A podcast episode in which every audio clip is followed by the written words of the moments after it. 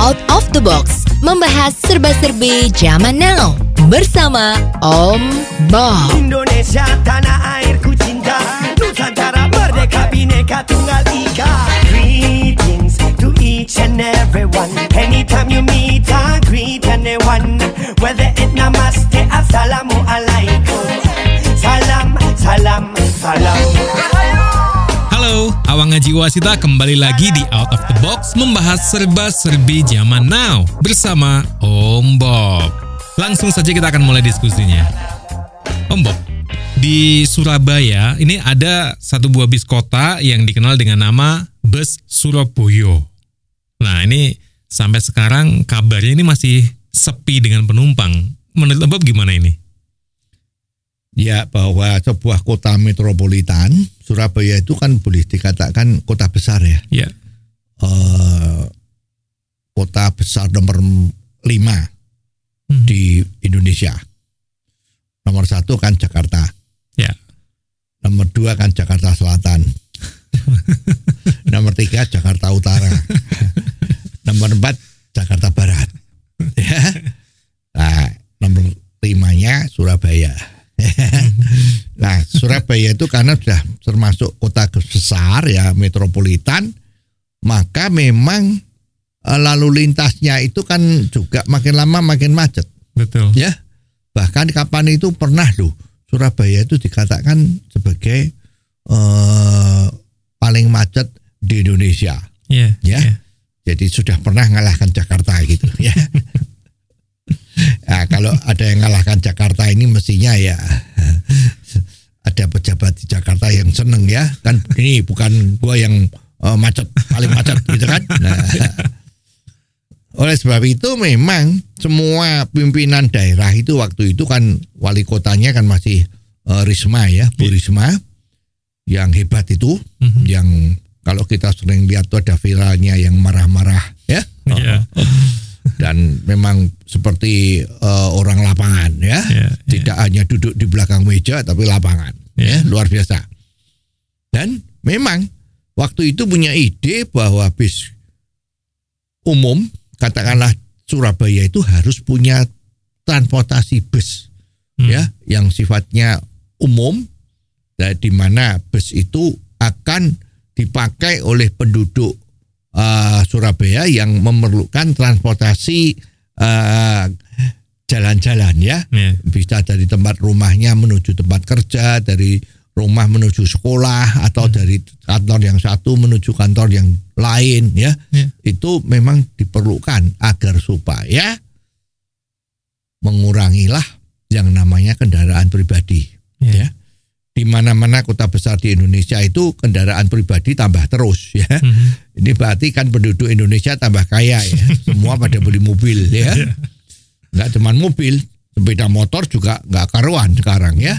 Kalau kita lihat di mana-mana sepeda motor itu dominan sekali dan produksinya memang eh, setahun itu kan kurang lebih 11 juta. Ya. Nah, ini kan luar biasa. Nah, karena Surabaya itu macet terus sedangkan menurut riset itu penduduk atau pengguna dari kendaraan umum itu hanya 4 persen. Hmm. Maka tidak heran kalau macet itu tidak pernah selesai. Maka ibu kita wali kota itu mempunyai ide yang bagus ya. Eh, mulailah diselenggarakan yang namanya bus Surabaya Ya. ya Ya. Yaitu bis yang melayani rute di dalam kota Surabaya ya. Ya. Kalau nggak salah sekarang itu ada empat rute utama ya Mhm. dan haltenya itu ada 98 ya. Sebetulnya kalau dari jumlah rutenya sama haltenya ya mestinya kelihatannya cukup ya. Ya. Ya. Ya kelihatannya cukup. Ya sementara lah ya. Mhm. Tetapi apa yang terjadi? Kemacetan tetap jadi. Nggak pernah kendor. Nah ini yang harus menjadi pertanyaan. Ya kenapa kok ini eh, bisa terjadi tetap macet?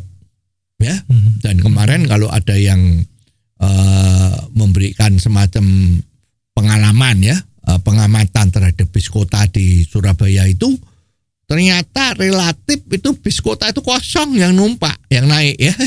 yang naik itu kosong. Ya, cuman satu, dua, empat. Rute yang paling ramai itu Purabaya, Raja Wali.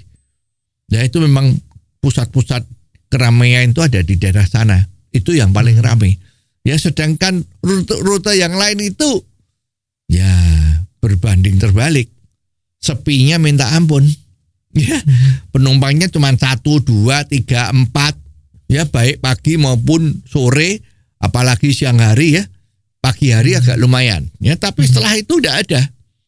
Dan jumlah penumpangnya bis kota di Surabaya ini bukan makin tahun makin nambah, tapi justru makin turun. Nah, ini harus dicari sebabnya. Kalau memang ini terjadi, ya berarti proyek bis Surabaya yang sekarang jumlahnya aja 28 itu kan menjadi sia-sia. Ya, anggaran yang untuk beli bisnya bisnya bagus loh. Ya, Scania bikinan Swiss. Itu dipakai nggak rusak-rusak dan mahal, ya. Dalamnya interiornya bagus, macam-macam bagus sudah. Nah, ini kan jadi sia-sia. Anggaran ini menjadi sia-sia karena tujuannya tidak sampai. Nah kebetulan Ibu Risma kita tuh kan udah jadi Menteri Sosial. Iya, iya, ya. iya. Nah ini kok yang ditinggalin ini kan jadi pusing juga. Ini kenapa kok sepi terus? Hmm. Ya, Tapi kenapa ya Bob? Kok sepertinya jadi kayak kurang peminat gitu? Kira-kira kenapa ya? ya ini kan sekarang kita tahu kan bis yang diluncurkan sama Bu Risma kita ini dulu kan ya bagus sekali loh ini Hmm. ya apakah ini boleh dikatakan pencitraan atau tidak itu yang terang sempat diekspos juga dengan eh, beberapa penerbitan luar negeri kalau bahwa Surabaya itu eh, untuk angkutan bis kota ini luar biasa. Karena betul-betul eh, merangkul atau mengeterapkan yang namanya eh, istilahnya itu memperhatikan environment. Green. Ya green. Hmm. green di sini bukan berarti kalau bisnya itu sudah pakai listrik ya Oke. tapi di sini green itu berarti bahwa orang yang mau naik bis itu Hmm. bayarnya itu pakai sampah plastik nah Oke. keren kan Oke, iya, iya. ya karena sampah plastik botol minuman Iya. ya, kotak makanan itu itu kan memang menjadi sampah nomor satu sekarang di dunia Iya. ya kalau kita lihat pantai-pantai yang selama ini bersih itu oh penuh dengan sampah Iya. Plastik-plastik tadi itu Iya. botol minum botol makan termasuk di sungai-sungai ya kalau Iya. di Surabaya kita lihat itu juga sungai-sungainya banyak sampah ya Iya. Nah, oleh sebab itu ide dari Bu Risma itu bahwa kalau mau naik bis kota bus Surabaya, Hmm. nah itu harus pakai sampah. Ya, Hmm. kalau ukuran 300 mili itu berapa banyak, kalau 600 mili berapa banyak, kalau ukuran 1 liter itu berapa banyak, Iya. ya. Iya. Nah, itu luar biasa. Ya, nah, cuman sekarang ini kan juga ada hambatan. Kalau sekarang kita pegawai kantor yang di rumah tuh nggak pernah minum air botolan seperti itu ya, atau dia sudah kalau minum juga udah punya tumbler yang yang multi user ya, Iya. tidak sekali minum dibuang ya, Hmm. multi use ya. Lah itu gimana? Kalau mau cari itu gimana? Harus beli airnya dulu ya atau cari sama kanu ya, sama pemulung. Eh, lu punya botol gak? Nanti gua beli gitu. Ini kan juga bikin susah. Ya, idenya bagus tapi implementasinya bisa repot. Ya, tidak ada orang yang tidak semua orang yang bisa menerima kondisi seperti ini. Hmm. Ya syukurlah beberapa waktu yang lalu kan sudah diganti lagi. Iya. Boleh bawa sampah, boleh bayar pakai uang. Iya. Kalau nggak salah uangnya lima ribu satu kali berangkat. Iya, iya. Ya, Mhm. nah ini sudah sudah artinya sudah mendekati eh, keinginan konsumen. Hmm. Ya itu oke lah ya. Hmm. Tapi mengenai masalah eh, sampah plastik ini juga menjadi problem karena sekarang kalau kita lihat itu sampah plastik dari botol-botol minuman tadi itu juga menumpuk-numpuk di penampungan yang namanya bank sampah. Hmm. Ya kan? Nah itu kan harusnya itu dikumpulin terus dijual. Ya. Jadikan uang atau dimasukkan ke itulah tempat eh, yang konon juga sedang digalak-galakkan atau dibangun itu tapi rasanya juga kok nggak ada suaranya lagi ya katanya botol plastik ini nanti didaur ulang. Ya. ya maka diserahkan kepada pabrik-pabrik yang mau mendaur ulang sehingga membantu juga pabrik daur ulang itu untuk mendapatkan bahan bakunya. Hmm. idenya bagus. Ya tapi pelaksanaannya sekarang ada yang komplain bahwa kenapa itu eh, sampah-sampah plastik itu bertumpuk-tumpuk. Hmm. ya nggak nggak ada yang ngangkatin nggak ada yang macam-macam. Ya dan kita juga prihatin karena orang yang bawa eh, botol-botol plastik tadi untuk bayar bis kota itu botolnya itu juga dalam bentuk botol jadi volumenya kan besar Hmm. Ya. nah ini juga kurang sadar mestinya itu harus dikempeskan dulu kan dilipat-lipat Hmm. atau dia dijadikan kecil jadi kalau mau naik itu ya sampahnya udah jadi kecil Hmm. ya nggak nggak gede-gede seperti itu itu kan juga menjadi persoalan tersendiri ya Hmm. barangnya gede-gede tapi ringan atau gimana mestinya harus diedukasi bahwa ah, botol itu harus dilipat dulu menjadi gepeng gitu kan Ya, ya. nah itu jadi eh, tidak memakan tempat nah ini menjadi problem juga Hmm. Apalagi Om Bob kalau Surabaya Bus ini juga bisa diakses menggunakan aplikasi. Dan ini kan sudah seharusnya sudah cukup memudahkan orang untuk naik bis itu ya. Tapi tetap aja kok peminatnya masih kurang ya. Ya sebetulnya ya itu kalau soal bis kota ini kan masalahnya itu nggak bisa dilihat dari bis kotanya saja. Tok, nggak Oke. bisa. Ya ini masalahnya kompleks. Ya kalau berani eh, membeli bis kota dengan anggaran daerah ya uang pemerintah kan Hmm. otomatis juga uang rakyat ya Mhm. karena rakyat kan bayar pajak tuh ya. Iya. Oke.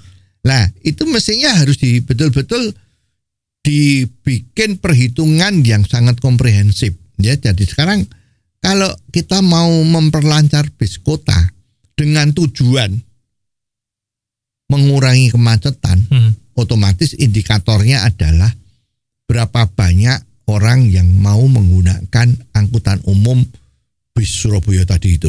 Ya. Nah, sekarang ternyata tiap tahun malah turun. Ya. Ini ada apa?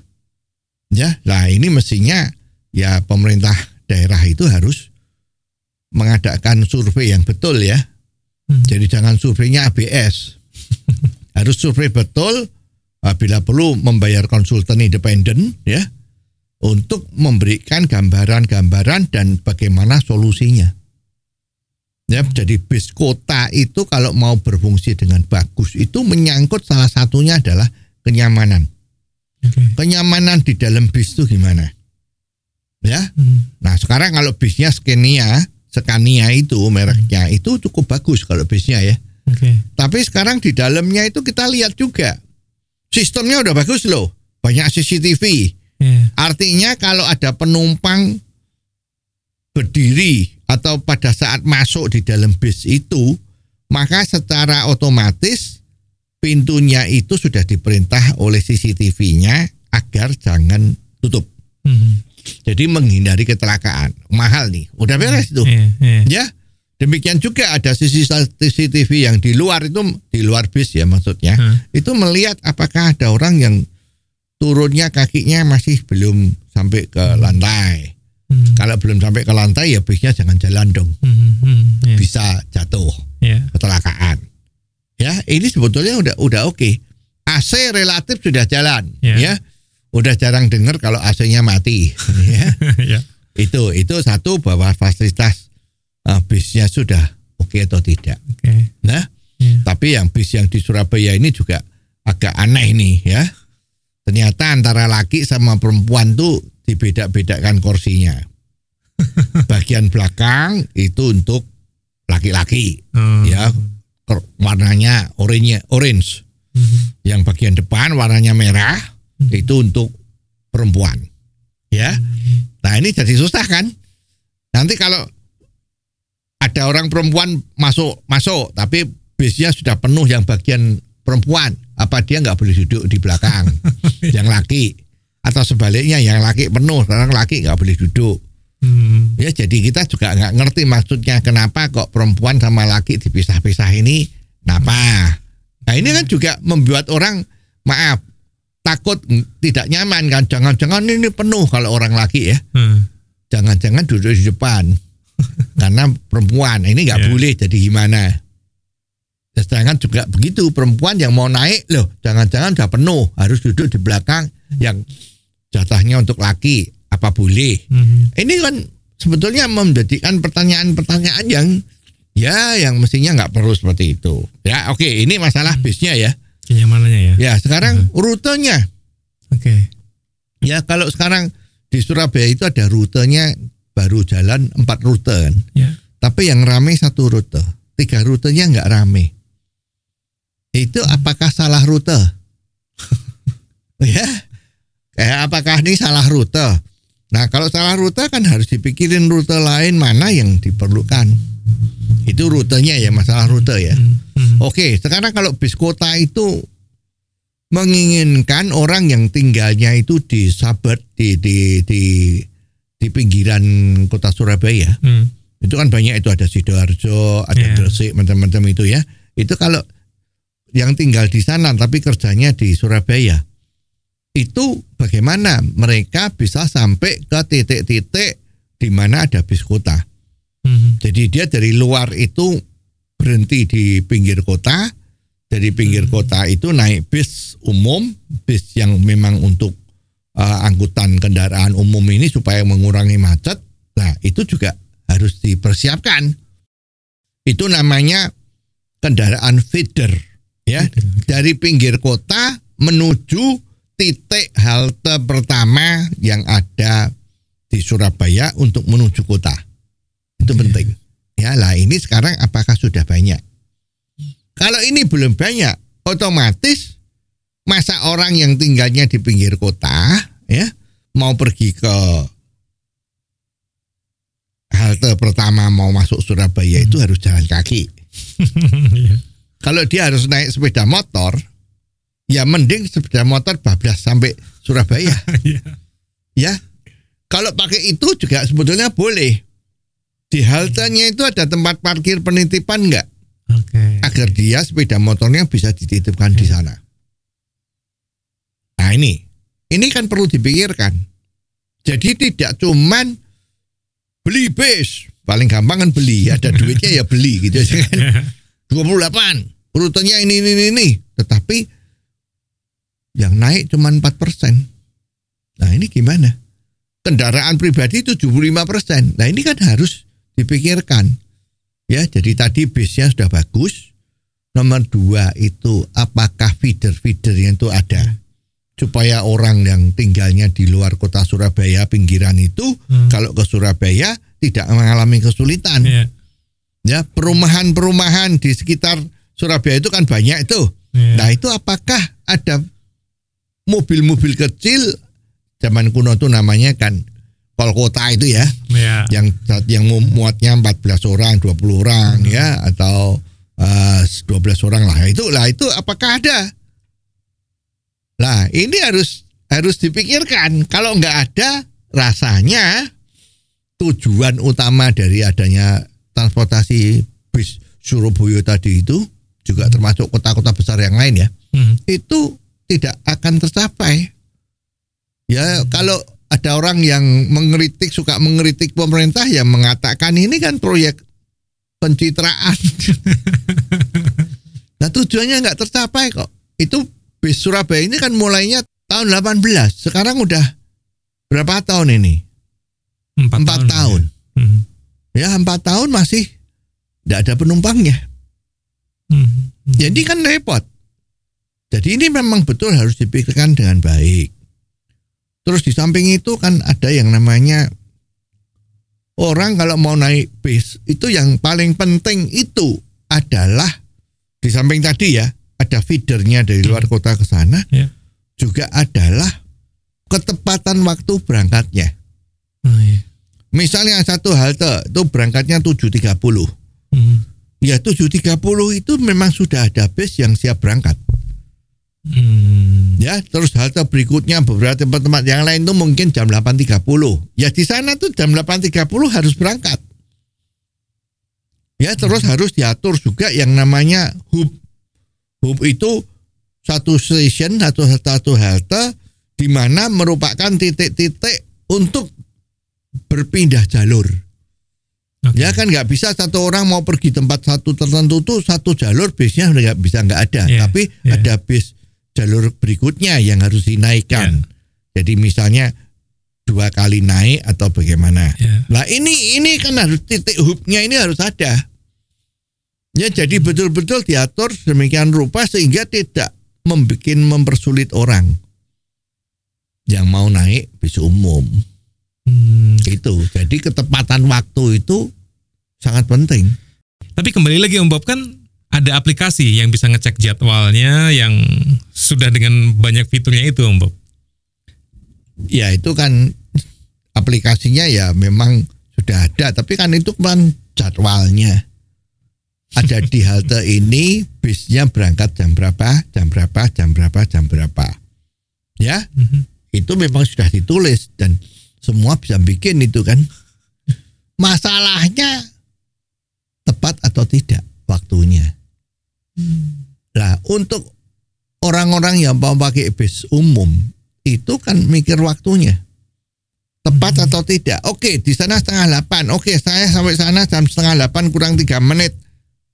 Ya, masih sempat bisa berangkat. Hmm. Ya, kan tidak boleh maju. Jadwalnya 7.30, jam 7.20 sudah berangkat kan nggak boleh. Iya, iya. ya, sebaliknya terlambat juga nggak boleh. Jam 7.30 terus bisnya datangnya 7.40. Nggak boleh. Hmm. Nah ini di Surabaya ini kan terjadi. Itu namanya headway. Kita menunggu waktu. Jadi orang tahu nanti bisnya 7.30, saya masih ada urusan, saya akan jalan kaki berapa menit sampai sana. Oke, jadi persis 7.30 kurang 2 menit saya sampai sana, nunggu 2 menit naik les. Hmm. Nah ini yang tidak dijalankan. Atau tidak bisa ditepati janjinya. Ya. iya. Jadi sehingga orang yang mau pakai jasa bis kota ini menjadi ragu-ragu. Waduh, hari ini saya datang, loh kok nung, masih perlu nunggu 10 sampai 15 menit lagi dari jadwal itu baru datang. Lah saya janji dengan orang lain dengan janji jam kerja di tempat yang lain itu nggak bisa kalau seperti ini. Lah hasilnya apa kalau sudah seperti itu? Ya dicoba sekali terus kapok. Dia naik sepeda motor lagi atau mending dia bawa mobil. Hmm. Ya, bawa mobil supaya aku tepat tepat waktu sampai di sana. Oke, tapi kalau ngomong-ngomong ketidaktepatan waktu itu Bob, kira-kira penyebabnya apa ya? Ya memang sulit ya. Penyebabnya itu bisa eh salah satunya itu mungkin ya Hmm. supir bisnya itu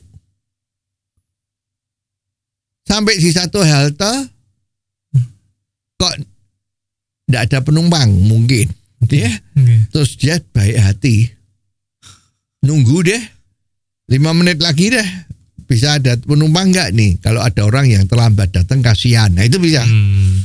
dia nggak mikir kalau dia berani terlambat berani menunggu maka halte berikutnya akan terlambat lagi Hmm, iya. dan seterusnya menjadi rentetan keterlambatan. Hmm. Itu bisa jadi salah satu itu ya. Hmm, hmm, hmm.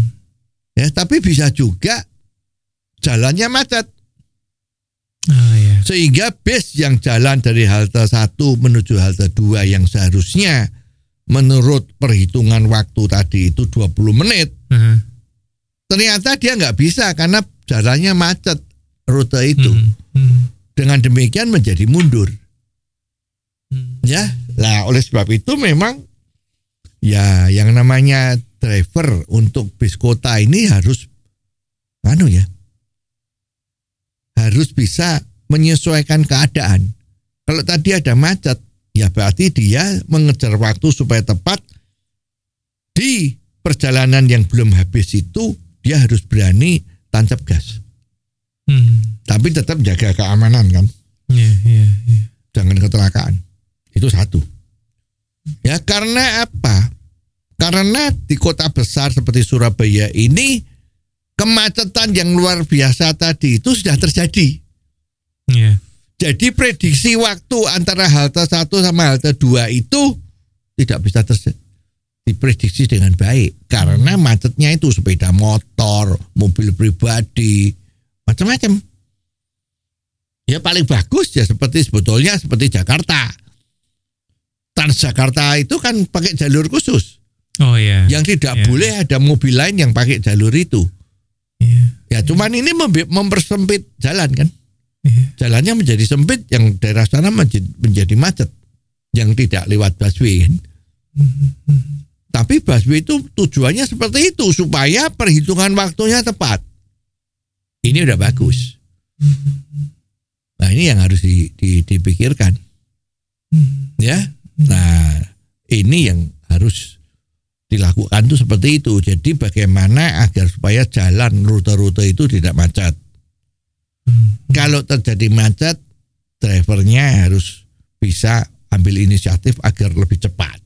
Jadi tujuannya adalah tu- tepat sampai di halte berikutnya. Oke. Ini penting. Tapi kalau ngelihat driver dengan inisiatif yang tinggi itu susah nggak ya nyarinya ya? Ya Indonesia kan penduduknya banyak. ya. Lah memang ya harus dilatih, Hmm. harus dikasih pengertian.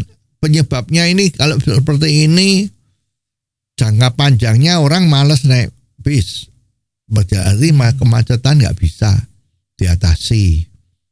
Lah or driver yang berani ambil inisiatif seperti itu adalah driver yang sadar ya sadar posisinya dia untuk membantu supaya jangan terjadi kemacetan di Surabaya. Ini harus ada ada ada pembinaan mental ya secara teknik uh, dibelajarin tapi juga secara mental juga harus bisa mm, mentalnya itu mental melayani, mentalnya itu disiplin agar bisa tepat waktunya. Itu harus seperti itu.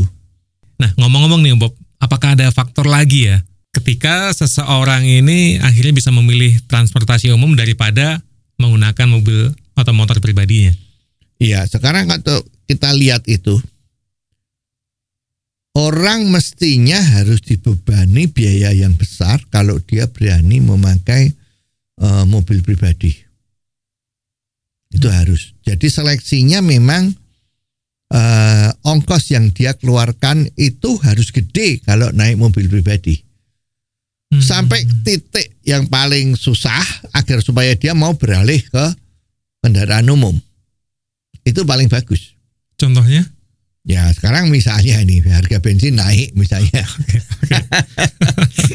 Kalau harga bensin naik, orang yang punya mobil pribadi cuma dinaikin dia sendiri, berarti kenaikan biaya bensin tadi itu ditanggung sama dia sendiri. Iya. Ya, tapi kalau ini kendaraan umum, kenaikan bis itu, kenaikan bensin tadi itu kan ditanggung 60 penumpang. ya kan nggak seberapa. Hmm. Nah ini jadi makin harga bensin naik, terutama bisa diatur ya.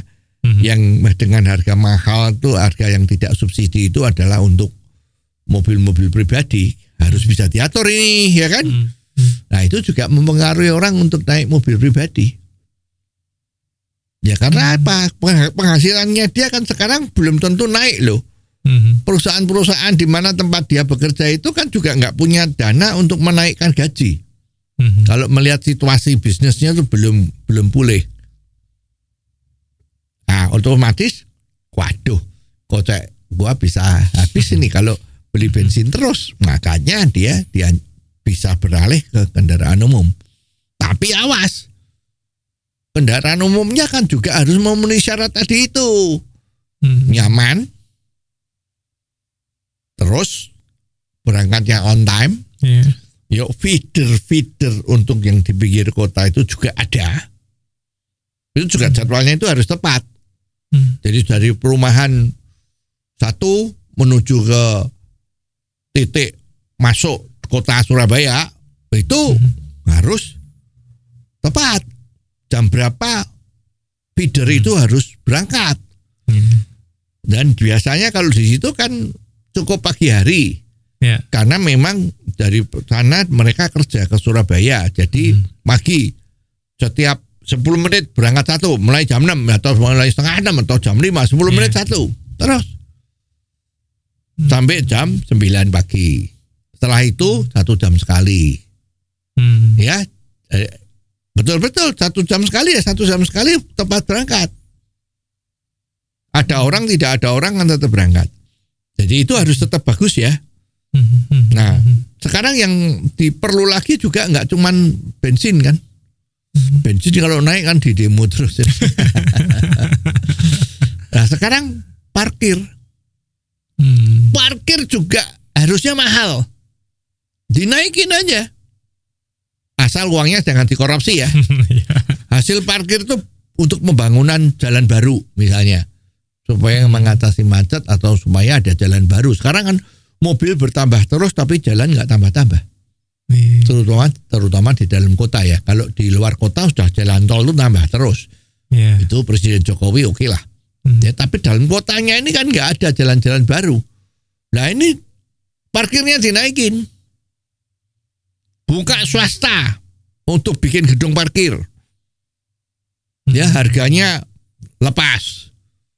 Artinya swasta boleh menentukan harga sendiri agar supaya investasinya di dalam membangun gedung parkir itu kan ya ROI-nya bisa kembali lah.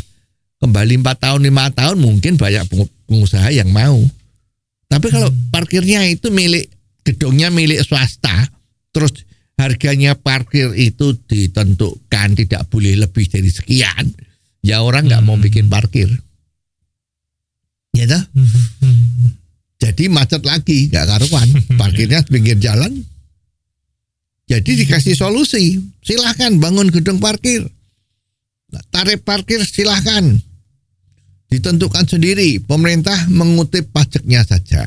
Oke. Pajak parkirnya itu untuk membangun jalan. Sehingga akan terjadi, eh, karena ini bisnis kan, Hmm. kalau peak hour itu parkirnya mungkin satu jamnya 25 ribu. Hmm. Tapi kalau malam sepi daripada kosong satu jamnya 5 ribu bisa juga. Hmm. Jadi permainan-permainan harga sebagai bisnis ini akan membuat para pengusaha mau berinvest untuk bikin gedung parkir. Hmm. Ya kalau sekarang parkirnya mahal, Iya. biaya bahan bakarnya mahal, Iya. ya. Tapi kendaraan umumnya banyak, Iya. waktu tunggunya bisa diberesin, Hmm. ya kan? Hmm. Terus aksesnya untuk bis umum itu enak karena feeder-feeder tadi banyak, Hmm. Hmm. ya. Terus mau naik kendaraan umum tadi itu bisa ke mana-mana karena banyak halte-halte hub penghubung tadi itu banyak. Udah bisa ke sini bisa ke sana dengan santai dengan lancar itu bisa terjadi. Hmm. Tapi kalau tidak dilakukan dengan berbarengan, ini akan sulit. Orang masih menunggu-nunggu. Hmm. Harus berbareng ya. Jadi masalah mengendalikan kemacetan di kota itu semua unsur-unsur tadi itu harus dilakukan berbareng. Jangan nyediain bis dulu.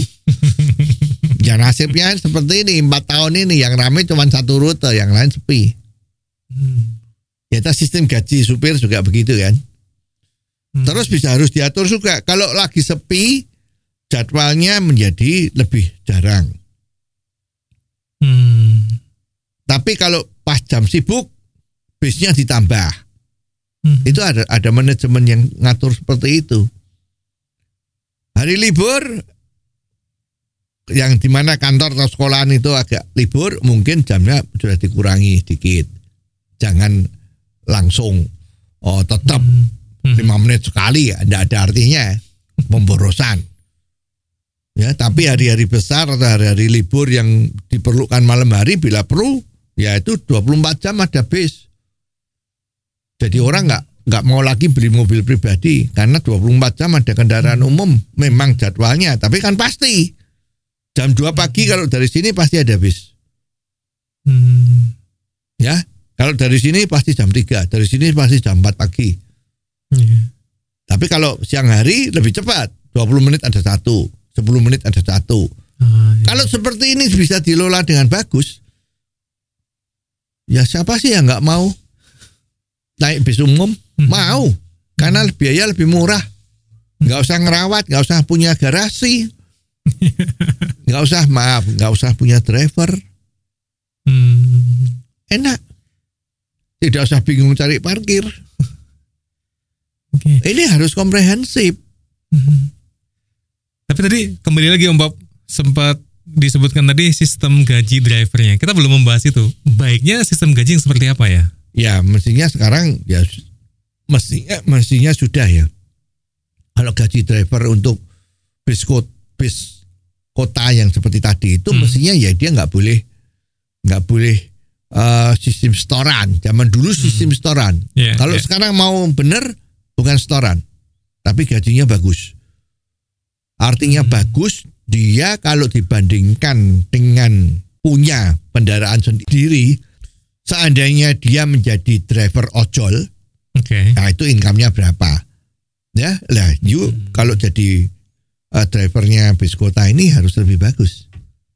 Hmm. Jadi dia, oke, aku kerja ini bagus. Ya, terus ada bonus-bonus yang secara manajemen bisa jalan. Kalau kamu on time terus, ah, Hmm. dapat bonus berapa? Ya, terus harus dilakukan survei juga sama eh, penumpang. Ya, saya numpang bis ini, saya puas atau tidak. Bisa lewat aplikasi. Jadi seperti sekarang kalau you naik eh, taksi online itu kan ada toh. Iya. Coba you bisa kasih rating berapa? Iya, iya, iya. Jadi yang menilai rating itu usernya. Nah itu bisa. Oh berarti kalau rating you bisa 5 nah, atau Hmm. empat setengah, ya kan? Maka you dapat bonus. Ya lah orang tingkat kepuasannya itu kan on time atau tidak, Hmm. ugal-ugalan atau tidak. ya kalau kena macet dia berani nggak jalannya lebih cepat supaya on time-nya itu bisa tepat betul? Hmm. ya lebih cepat tapi bukan ugal-ugalan betul kan? iya. nah ini kan harus disurvei semua. Jadi rating-rating dari konsumennya. Terus paling bagus kalau misalnya di dalam eh, bis tadi itu ada radionya. Hmm. ya dengarkan berita apa yang terjadi. Jadi orang naik bis itu juga bisa mengikuti perkembangan zaman. Hmm, iya, iya, iya. bagaimana pertandingan badminton Indonesia menang kalah ya kan? Hmm, hmm. tenis ini ada Federer yang sudah mengundurkan diri karena sudah merasa us- usianya udah eh, nggak mampu lagi menandingi yang muda-muda. Semua tahu ya dah terus tadi pemakaman eh, Ratu Elizabeth gimana? Jadi orang numpak naik bis itu juga mengerti perkembangan ya lah itu bagus sekali Hmm. jadi tinggal memang ini bukan pekerjaan yang mudah. Tapi memang mau dibawa ke sana atau enggak. Yang penting jangan pencitraan. Kalau proyeknya proyek pencitraan ya repot. Diekspos sama wartawan, masukkan koran. Apalagi kalau ada buzzer-buzzer yang dibayar oleh yang bersangkutan ya. Wah, pokoknya yang baik-baik aja diomongin tapi enggak enggak di belakangnya itu terjadi kayak apa udah nggak usah diomongin yang penting oh awalnya. Ya basar-basar dibayarin untuk ngomong baiknya dia di sosmed ya. Wah ini ya begitu. Jadi memang bukan hal yang mudah tapi bisa. Kalau mau ada kema- kemauan politik. Dan jangan proyeknya ini terus misalnya lo ya ganti wali kota proyek ini dicorek ganti proyek yang lain. Nggak bisa, jadi harus ada kesinambungan. Lah wali kota sebagai pengganti pejabat itu harus tahu kemarin yang mana yang belum selesai dilanjutkan karena ini bagus macam-macam. Ya memang kerjaannya nggak mudah, tapi ini yang harus dilakuin. Nah, kalau kita lihat kemacetan yang ada di sebuah kota, khususnya kota besar ini, apakah memang solusi untuk kemacetan ini semata-mata hanya bis kota aja ya? Ya, sementara boleh pakai bis kota, tapi bis kota nanti juga akan kurang manfaatnya. Hmm. Ya, paling bagus kalau bisa bikin kereta bawah tanah. Hmm. Nah, itu cepat lagi. Ya, sistemnya juga sudah modern, komputerized semua, Hmm. tapi masyarakatnya harus dilatih disiplin betul. Menit sekian berangkat berangkat, ditinggal ya ditinggal. Sistemnya sudah modern, sistem tiketingnya macam-macam. Itu bisa menyelesaikan masalah. Cuman biayanya kan mahal sekali nih. Iya. Kalau berani pakai eh kereta bawah tanah, itu mahal sekali. Ya tapi sebetulnya juga bisa beres kok. Kalau memang mau bangun kereta bawah tanah, ya yang penting itu orang-orangnya. Ya, jangan sampai terjadi korupsi itu aja. Indonesia tuh makmur sekali, mau cari duit tuh gampang di Indonesia itu. Wong tanahnya demikian subur, Hmm. ya, Hmm. nggak cuma subur, tambangnya itu luar biasa. Jadi betulnya Indonesia duit tuh banyak. Kalau tidak dikorupsi, ya bisa aja Surabaya itu harus segera punya kereta bawah tanah. Hmm. Ya, kalau ada uangnya bisa. Tapi sesudah ada uangnya itu kan harus kembali uangnya. Ya. Betul, ya. Nah, jangan dikorupsi. Ya, jadi ini semua ada kaitannya. Keberanian kita secara politik. Ya, kalau kita lihat di Singapura, Hmm. di Hong Kong, Ya. itu kereta bawah tanahnya tuh sedemikian ampuhnya. Hmm. Orang sampai tidak mau naik mobil, apalagi punya mobil pribadi ya. Itu semua cari naik kereta bawah tanah kok. Praktis cepat, halte banyak. You tahu nggak itu? Kereta di bawah tanah itu ada yang haltenya cuma jaraknya satu atau dua menit saja antara halte satu dan halte dua. Betapa ini diperhatikan betul. Keluar dari haltenya, stasiun istilahnya, Mhm. udah pemukiman, udah tempat-tempat umum, publik Hmm. area yang bagus, sekolah, kantor-kantor pemerintah, semua itu ada semua. Tapi mahal, biayanya tinggi, tapi bisa. Yang penting memang tekadnya dan bagaimana uang itu jangan dikorupsi. Hmm. Itu yang paling penting. Oke. Ya, jadi kita, kita tunggu aja. Kalau Indonesia nanti kan tentang sekarang kan eh, lagi dicanangkan Indonesia emas tahun 2045 Ya. ya. Nah, sekarang masih 20 tahun kan. Ayo cepat-cepat sistemnya di dalam Indonesia itu diberesin dulu. Hukumnya diberesin ya. Jangan ada eh, itu yang sekarang lagi heboh kan jangan sampai eh, ada lagi itu eh, Pancasala. ya, Pancasala ini jangan ada di Indonesia. Tunggu, Pancasila itu apa, Om Bob? Ya itu. Ini ada tulisan dari Laksamana Soekardi yang bagus bahwa Indonesia tuh nggak bisa maju-maju karena ada Pancasila. Filosofinya dasar negara Pancasila, tapi Hmm. di dalam pelaksanaannya itu ada Pancasila. Menarik. Yang nulis Laksamana Soekardi, dia bekas menteri di Indonesia dulu zamannya presiden yang lain ya. Hmm. Itu menarik. Nah ini kan kita bahas eh, di pertemuan kita yang akan datang. Oke, Nah, ya, oke, oke. agar supaya Indonesia cepat-cepat menuju emas 2045 ini betul-betul bisa tercapai. Yes, dan sampai di sini episode kita kali ini. Terima kasih Om Bob untuk diskusinya dan terima kasih untuk kebersamaan Anda. Kalau Anda punya komentar, silakan dikirim melalui WhatsApp ke 0878 5590 7788. Jangan Anda lewatkan out of the box versi singkat atau pendek dalam program Underline yang setiap hari disiarkan di radio kesayangan Anda ini. Anda juga bisa mengikuti Out of the Box melalui website indotv.live. Sampai ketemu di episode selanjutnya, Awang Aji Wasita di Out of the Box membahas serba-serbi zaman now bersama Om Bob. Out of the Box membahas serba-serbi zaman now bersama Om Bob.